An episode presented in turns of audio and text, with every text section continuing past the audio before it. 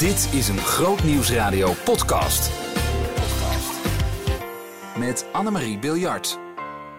Ik ben heel blij dat jij naar deze podcast luistert. In oktober ben ik met Kama-zending naar Senegal geweest. En het is natuurlijk de laatste tijd vaker gebeurd dat mensen vragen: hoe was het en wat was het mooiste? Nou, dat is eigenlijk niet in een paar woorden uit te leggen. En daarom eh, deze podcast, waarin ik de tijd neem om je mee te nemen op mijn reis door Senegal. Hoe het was, fantastisch. Wat was het mooiste? Ik heb echt geen idee. Ik denk dat het gewoon een mix was van en in Afrika zijn, een totaal andere cultuur beleven en ervaren. Het zijn bij zendelingen die zich met hart en ziel inzetten voor het verspreiden van het evangelie, maar niet altijd op even logische manieren. Misschien denk jij bij zendelingen bijvoorbeeld aan mensen die vanaf de kansel het evangelie brengen. Maar het mooie is dat ik op heel veel verhalen ben gestuurd van mensen van wie gewoon tussen aanhalingstekens de talenten worden ingezet die God hen heeft gegeven. Nou, eigenlijk verklap ik nu al te veel. Maar Senegal, een land um, vijf keer zo groot als Nederland, 15 miljoen inwoners. En heel veel inwoners leven van de landbouw. Maar er is wel iets wat je moet weten van tevoren. Want Senegal is een land dat ook ontzettend vervuild is. Ik heb het gezien. Overal op straat ligt vuilnis. Vuilnis wordt mondjesmaat opgehaald, maar gescheiden afval, nou, ik, ik heb het niet kunnen ontdekken. Ik heb wel hele grote hopen vuilnis dus overal langs de weg kunnen ontdekken. En daar ligt ook van alles. Daar ligt groente en, en tuinafval, maar daar liggen ook gewoon batterijen en oude computers en noem maar op. Dus dat betekent op het moment dat er landbouw is, dat dat gekweekt wordt op grond die vervuild is. Nou, dat is een van de dingen die me is opgevallen. En toen was daar die droom. Ik ga je meenemen naar waar die droom toe leidde. Kama-zending is in Senegal betrokken bij Beersheba.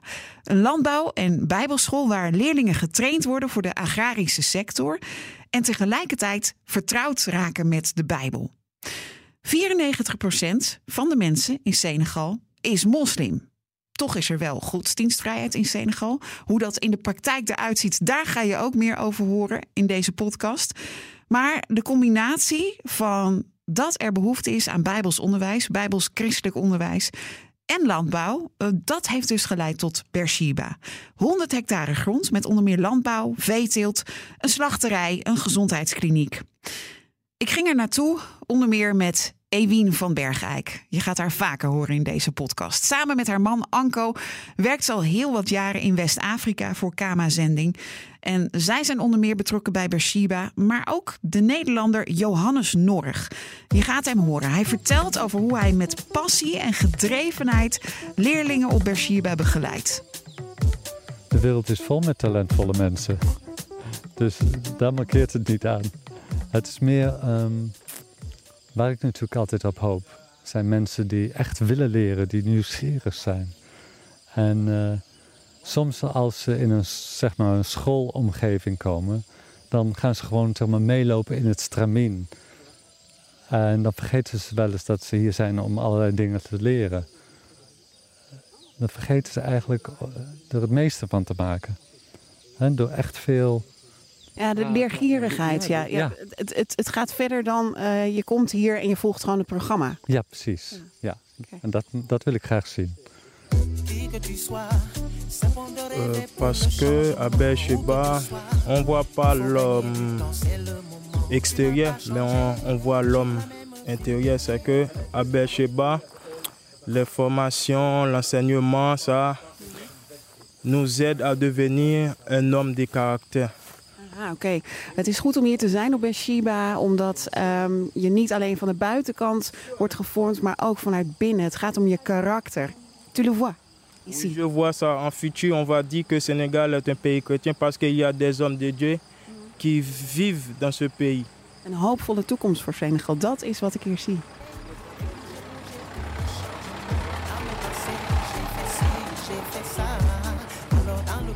We zijn uh, op het uh, landgoed van Beersheba. Onderweg om hout te halen voor uh, de keuken. Ce n'est pas dur avec le soleil Ah, c'est un peu dur. Ouais. C'est dur parce que le soleil, comme moi, ça, ça nous embête. Ici, il y a beaucoup de soleil. Ja, er is wel veel schaduw, maar ja, het is inderdaad wel heel erg zwaar in de zon. En dat is ook de reden waarom het eh, hout zo meteen op de trekker wordt geladen. En dan gaan we naar het hoofdgebouw gebouw van Beersheba, waar het hout dus in de keuken terechtkomt om eh, het eten te maken. Et qu'est-ce que vous mangez eh, aujourd'hui? Wat eten we vandaag?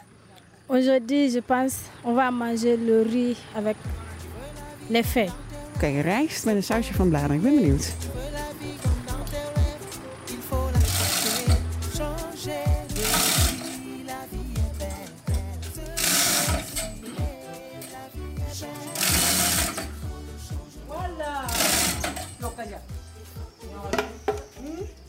Terwijl er eh, een enorme koe wordt geslacht.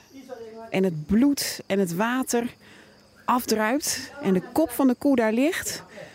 Volledig eh, ja, geslacht, dat mogen duidelijk zijn. Helemaal met vliegen. Man die de messen slijpt om het beest te villen. Ewien, het wordt ongeval. Heb, heb je de goede foto? Nee, nog niet. Da- dan eerst de radio, zullen we maar zeggen. De- deze man houdt van zijn werk. Absoluut. Maar niet alleen, want hij is een student van Beersheba.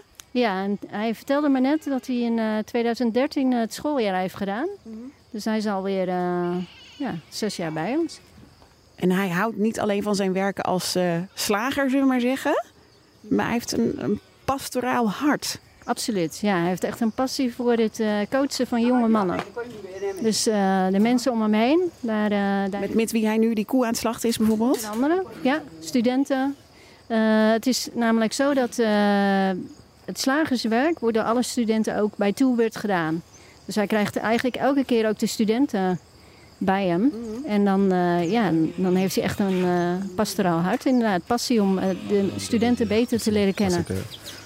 Je ne veux pas le faire comme les autres bouchers, mais je le fais comme selon Dieu. Dieu le veut.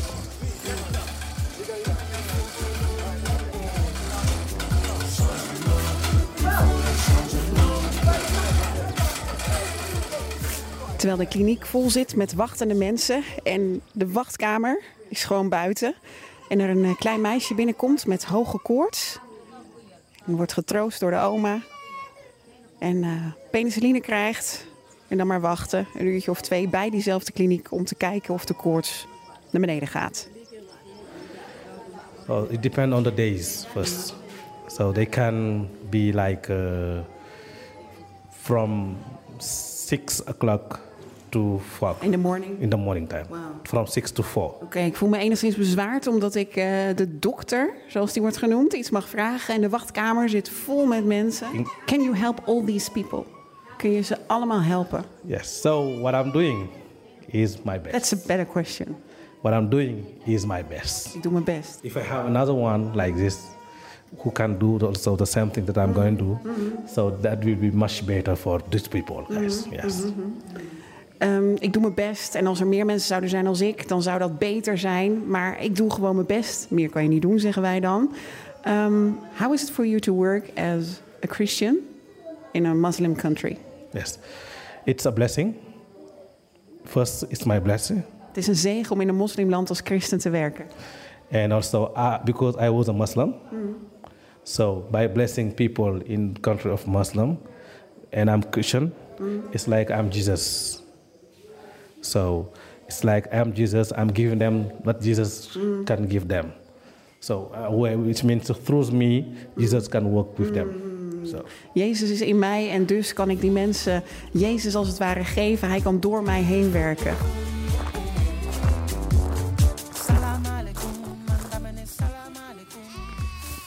En midden in Beersheba tref ik Erik Toumieux. De oprichter, de bedenker van dat gebied waar we nu zijn. This was your dream. Dit was je droom. I think it was more uh, God's dream than my dream, and there was some transfer happening.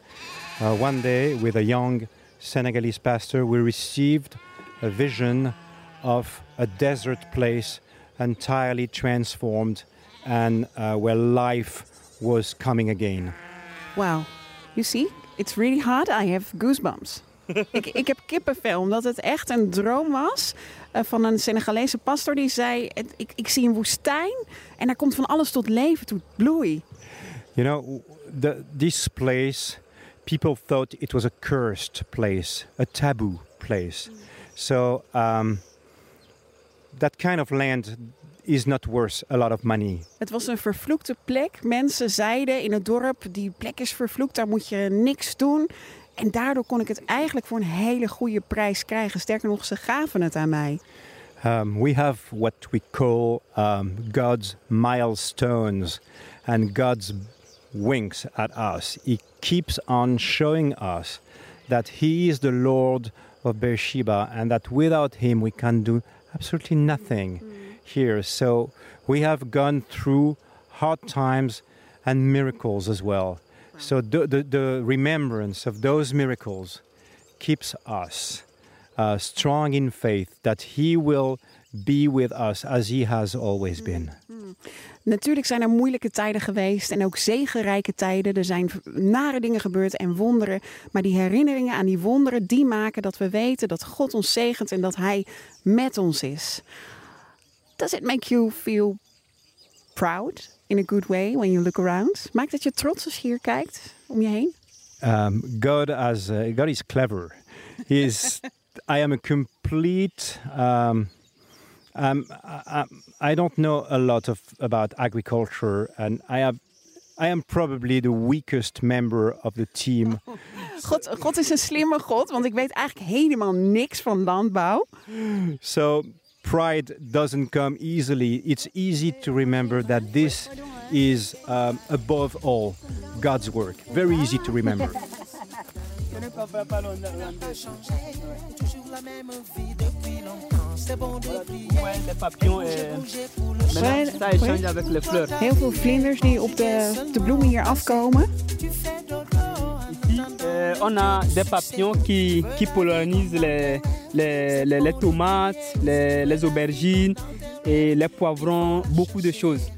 Et nous, bon, Dieu a fait grâce, Dieu nous a donné de l'eau et on a de l'eau et on fait des fleurs. Les gens viennent chercher des fleurs et pour rentrer avec. Ja, het, nou, het is heel bijzonder dat hier in de tuin eh, bloemen groeien. Want het probleem is natuurlijk water.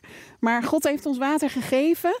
En er komen ook steeds nieuwe bloemen bij. Omdat er eh, bloembollen worden geïmporteerd. En de bedoeling is om dat uiteindelijk te verspreiden over heel Senegal. Euh, avant que Dieu ne crée toutes choses, il a créé le jardin. Et il a placé Adam et Ève dans le jardin pour prendre soin de tout ce qu'il a fait. Donc, euh, on ne peut pas séparer la Bible et l'agriculture, jamais. Ouais. Dus het, eigenlijk toen God de hemel en de aarde schiep, toen zette hij Adam en Eva in de tuin.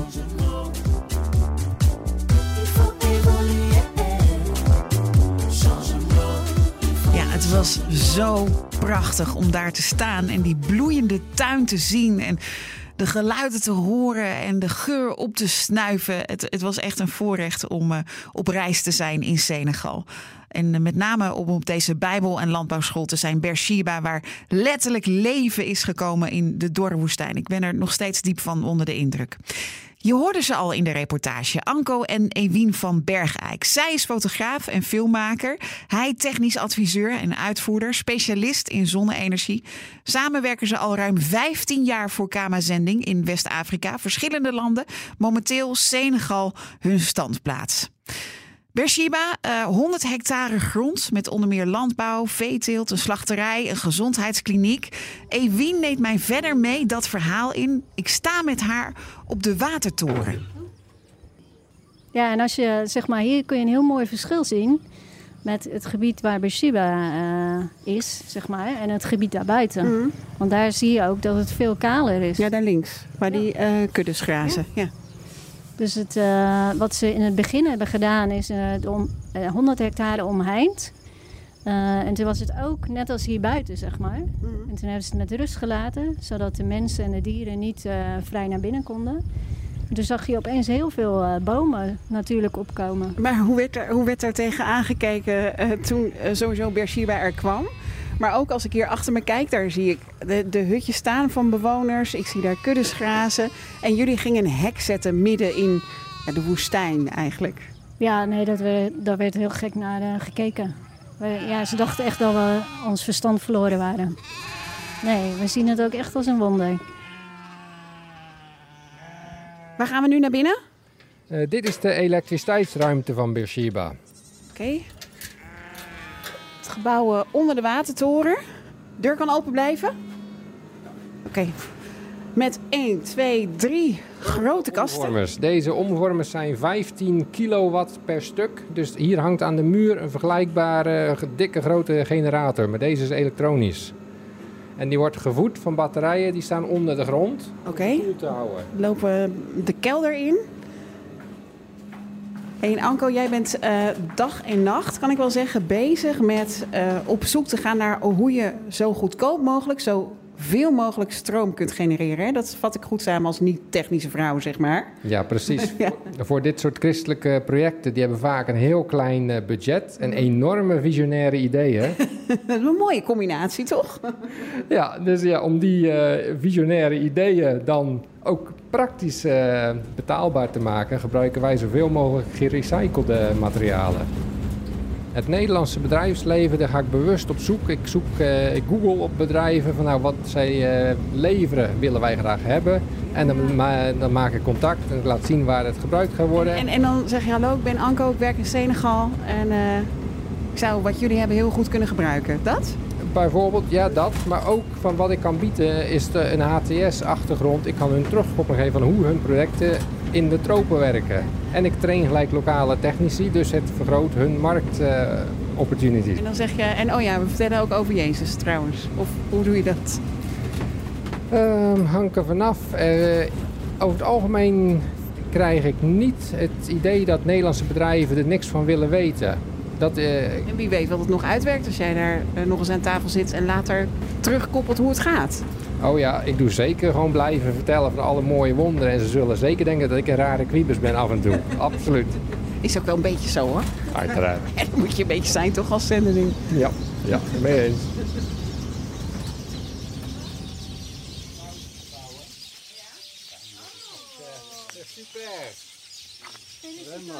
Anko, we zijn in Faila.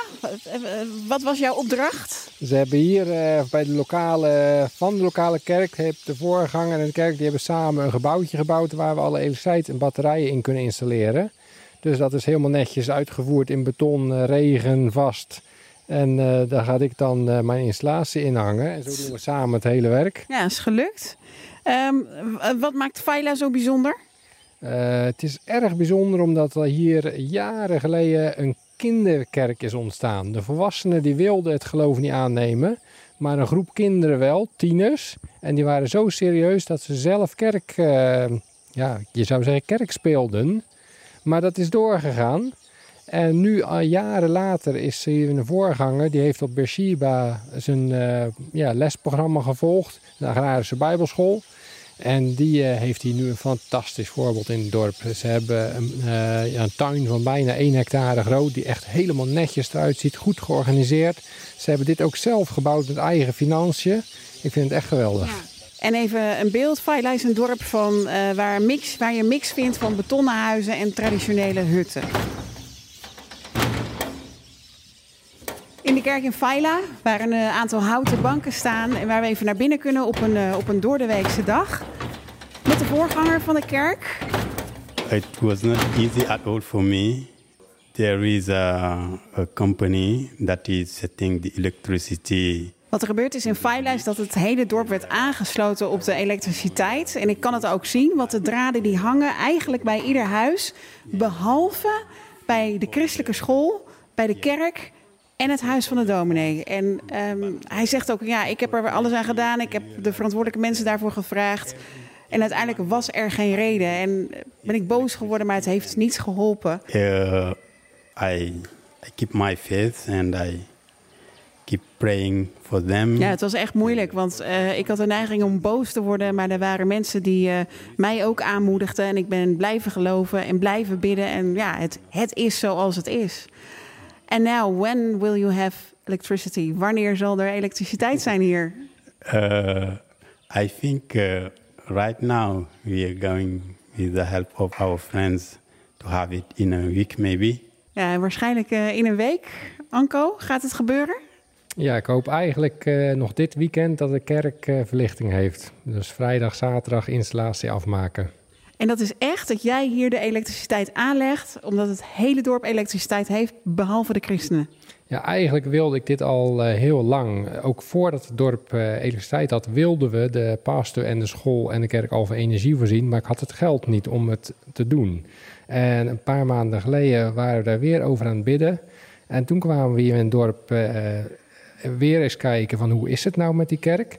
Ja, toen zagen we dus inderdaad deze situatie. En toen hebben we een gift gekregen en daardoor kunnen we nu uh, de installatie gaan uh, installeren. Ja, en ik heb het gezien toen ik hier naar de kerk liep. De, de gaten zijn al gegraven voor de kabels. Het gaat echt gebeuren. It's really gonna happen. Yes, for sure. For sure. Anko Bershiba is een uniek project. Maar ook hier, als we in het dorp zijn, zien we tuinen waar dingen verbouwd worden. Waarom is er eigenlijk zo weinig groente in Senegal? Ja, het zit niet in de cultuur. Het is van oudsher uh, is men niet gewend om te eten met, ja, met veel groente erin. Het is vooral uh, rijst of millet met olie. Maar groente verbouwen voor eigen consumptie, dat kennen ze haast niet. Nee, en, en als het dan nu verbouwd is, zeg maar wat je gewoon op de markt kan kopen, dan moet je je afvragen of het wel oké is? Ja, dat is de andere kant. Uh, erg veel vuil water, erg veel vervuild compost. Wat zij hier compost noemen is eigenlijk gewoon huistuin, keukenafval in de zin van... Ja, daar vind je ook batterijen in en alles. En rommel. Ja, dan wil je niet een komkommetje eten wat daarop gekweekt is? Eigenlijk niet, nee.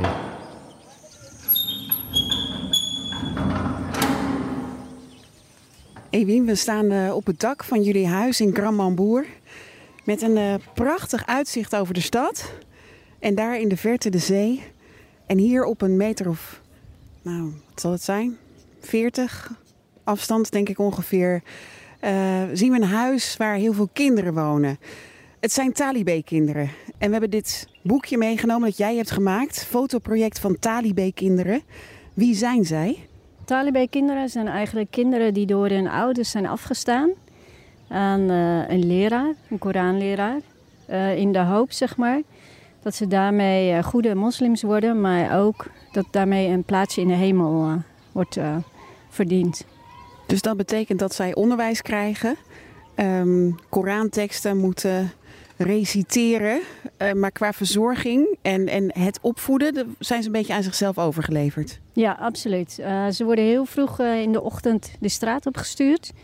En dan is het de bedoeling zeg maar, dat ze echt bedelen. De hele dag bedelen. En dan komen ze tussen de middag vaak weer thuis. Of thuis, zeg maar, in de Dara. In, op de plek waar ze wonen.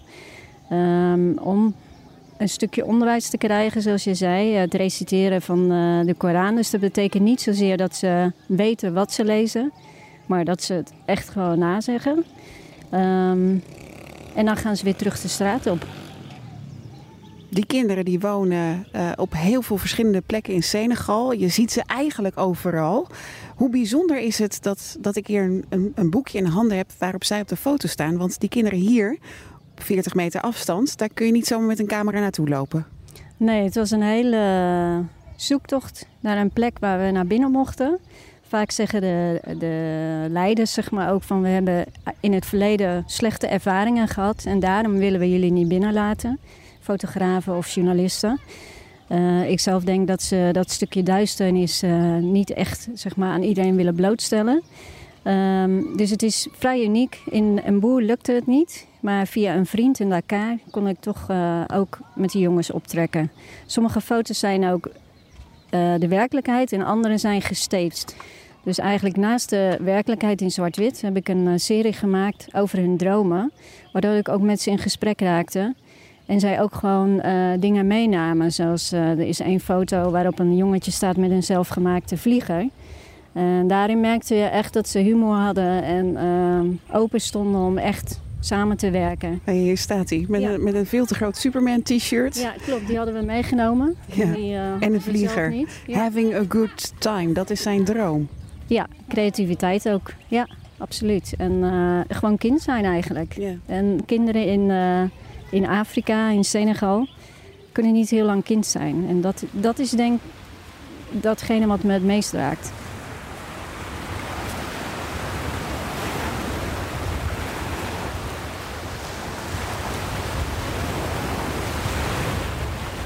Het is wel uh, apart, want ik zie echt alleen maar, bijna alleen maar mannen op het strand. Heel veel mannen ook. En iedereen is super sportief bezig. Is dit een beetje wat er gebeurt als het bijna avond is, het een beetje is afgekoeld? Ja, ja de strand is echt een plek waar iedereen zich uh, verzamelt. En ook uh, omdat ja, je kunt hier gewoon gratis inderdaad naartoe. Dus het is een mooie scenery. En uh, je kunt sporten tegelijk. Um, het is wel een plek waar je ja, misschien even tot rust kan komen. Je een beetje bezinnen. Alhoewel, Ewien, voor jou hier... Ik zou hier echt niet op een handdoekje gaan liggen. Nee, niet echt. Nee, het is niet echt type om te gaan liggen. Nee, nee, niet, nee, daar ben je type niet naar. Het is ook misschien niet helemaal de omgeving. Uh, maar het brengt mij wel bij de vraag, als we zo vlak bij jullie huis uitkijken over die immense zee. Hoe houden jullie het vol? Uh, nou, ik denk, Anko en ik zeggen altijd tegen elkaar van uh, het zijn ook de mensen om je heen waarvoor je het eigenlijk uh, doet. De jongeren waarmee we mogen samenwerken. Uh, en als je daar dan verandering in hun leven ziet, ja, dat is gewoon hartstikke gaaf. Ja, en vooral ook de resultaten die je ziet. In de eerste paar jaren denk je wel eens nou, wat doe ik hier nou wat heeft het voor nut? Maar na, juist door de jaren heen ga je zien wat het voor nut heeft. En dan zie je mensen groeien en veranderen. En ja, nou, als wij uh, tegenslag hebben, dan refereren we samen ook vaak naar Job. Die had in zijn leven allerlei tegenslag. En dat was duidelijk vanuit Satan ingegeven. En Job hield vast aan God. En nou, de uitkomst weten we met z'n allen. Die was zeer goed.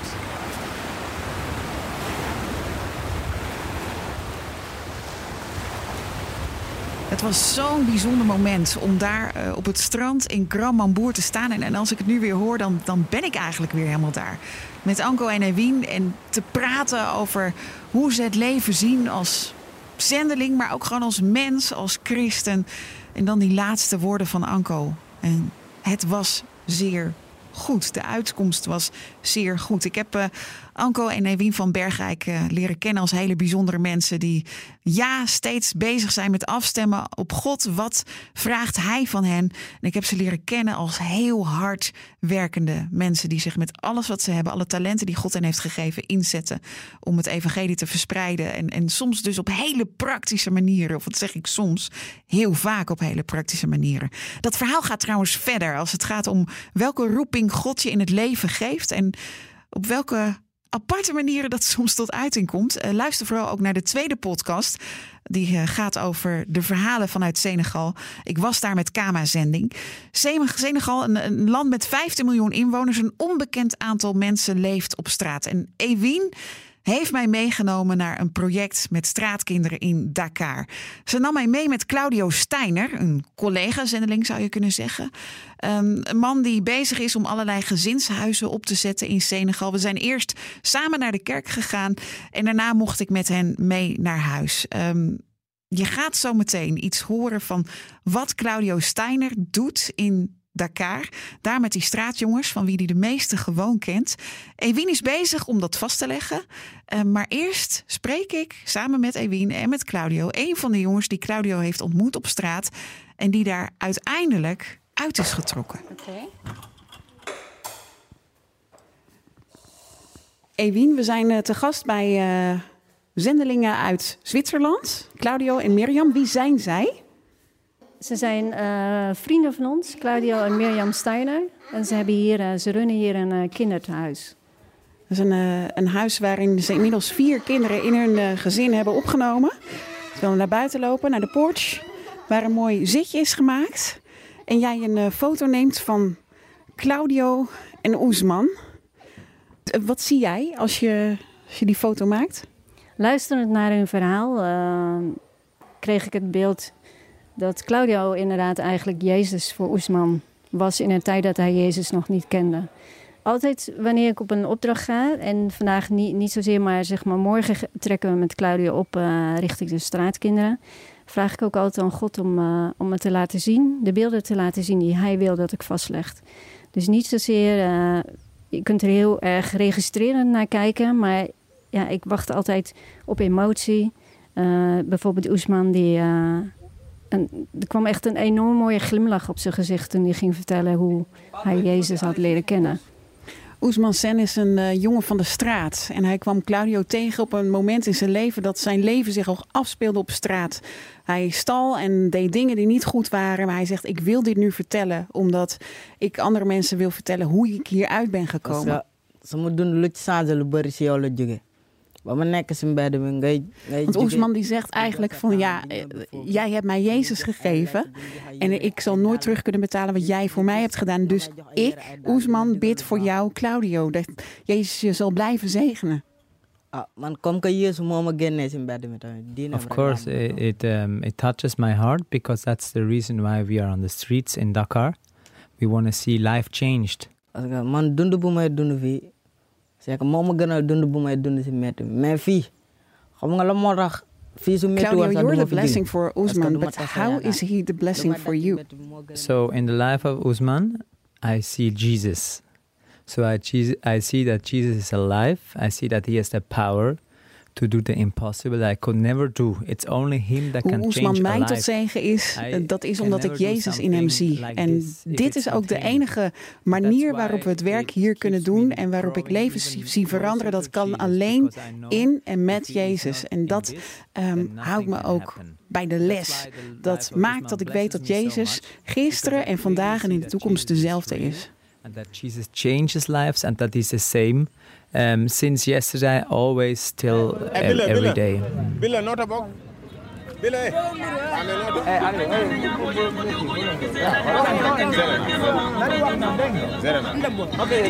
Terwijl de avond valt in Dakar.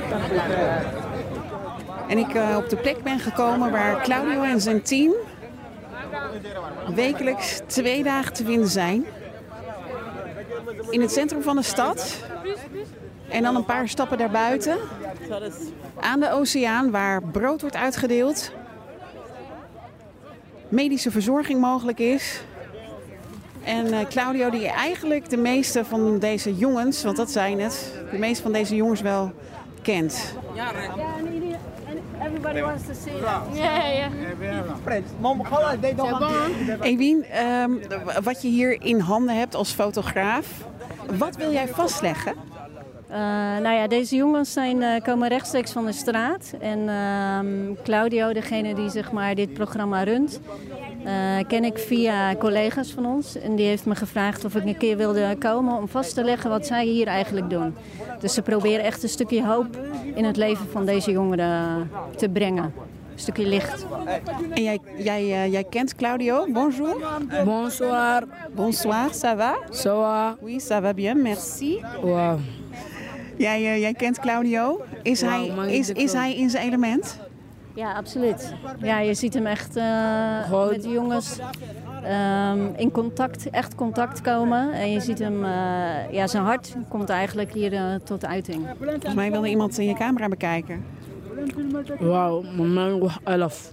Ik, ik denk dat hij uh, Ko Olaf Lauwe, presentator wil worden. president. Ja, we hebben een nieuwe gevonden, denk ik. This was the boy Hallo. that was once with Hallo. us. This was the boss boy that was once with us. Oké, Uh-huh. en he left. Uh, yeah, he left. Oké, yeah. een jongen die eh, van de straat is gehaald, maar weer terug is gegaan. They look, they Claudio, do you, do you know all these guys over here? Um, yes, I know all these guys. Yeah. And they know you. Yeah, they know me. Yeah. Uh, uh-huh. En het is ongelooflijk wat hier gebeurt. Op het moment dat ik met Claudia sta, te praten, wordt hij omringd door de jongens hier. En eh, staat hij arm in arm met een jongen die eh, hij van de straat heeft gehaald, maar die weer, dus weer terug is gegaan. En zegt, ja, ik laat hem in Gods handen. Ik laat hem in de handen van Jezus. What's happening? That, nothing, nothing. Okay. They're just uh, watching your bag. Yeah, because- Nothing. Away. Oké, ik moet mijn rugtas een beetje in de gaten houden. Oh, I think it's open. Yes, it is. Ja, ja, ja. Ja. Yes? Nou, de rugzakken aan een van de teamleiders gegeven, omdat er toch wel een vakje open stond. Waar eh, ja, een klein beetje geld in zat. You can prepare to come.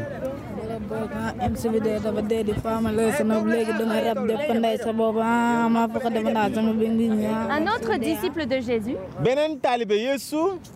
arrive avec un petit garçon.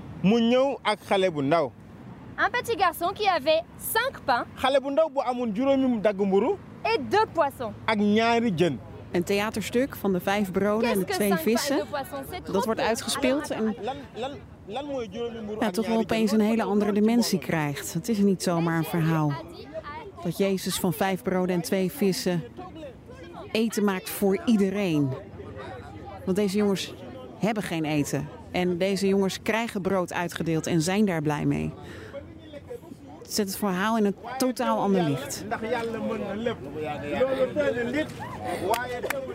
It's uh, what is um, impossible to man is possible to God because God can do everything.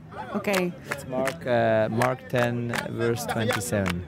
Marcus 10, vers 27 wordt hier geproclameerd dat wat voor mensen, wat bij mensen onmogelijk is, dat maakt God mogelijk. Yes, of course, because uh, there's so much power in the Word of God.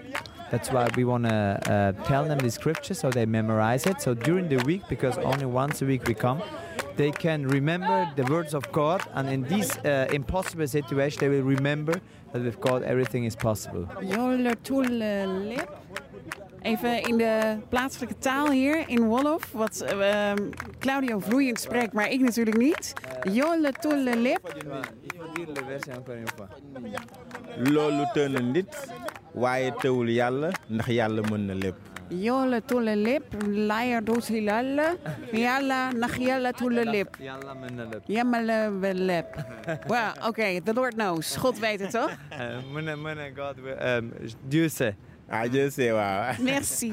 Merci. Ja, Marcus 10, vers 27. Wat bij mensen onmogelijk is, is voor God mogelijk. En dan in het Wolof, een van de talen die in Senegal wordt gesproken. Het was uh, bijzonder om daar met Claudio Steiner, zendeling en zendeling van de Kama, Ewien van Bergijk, te zijn.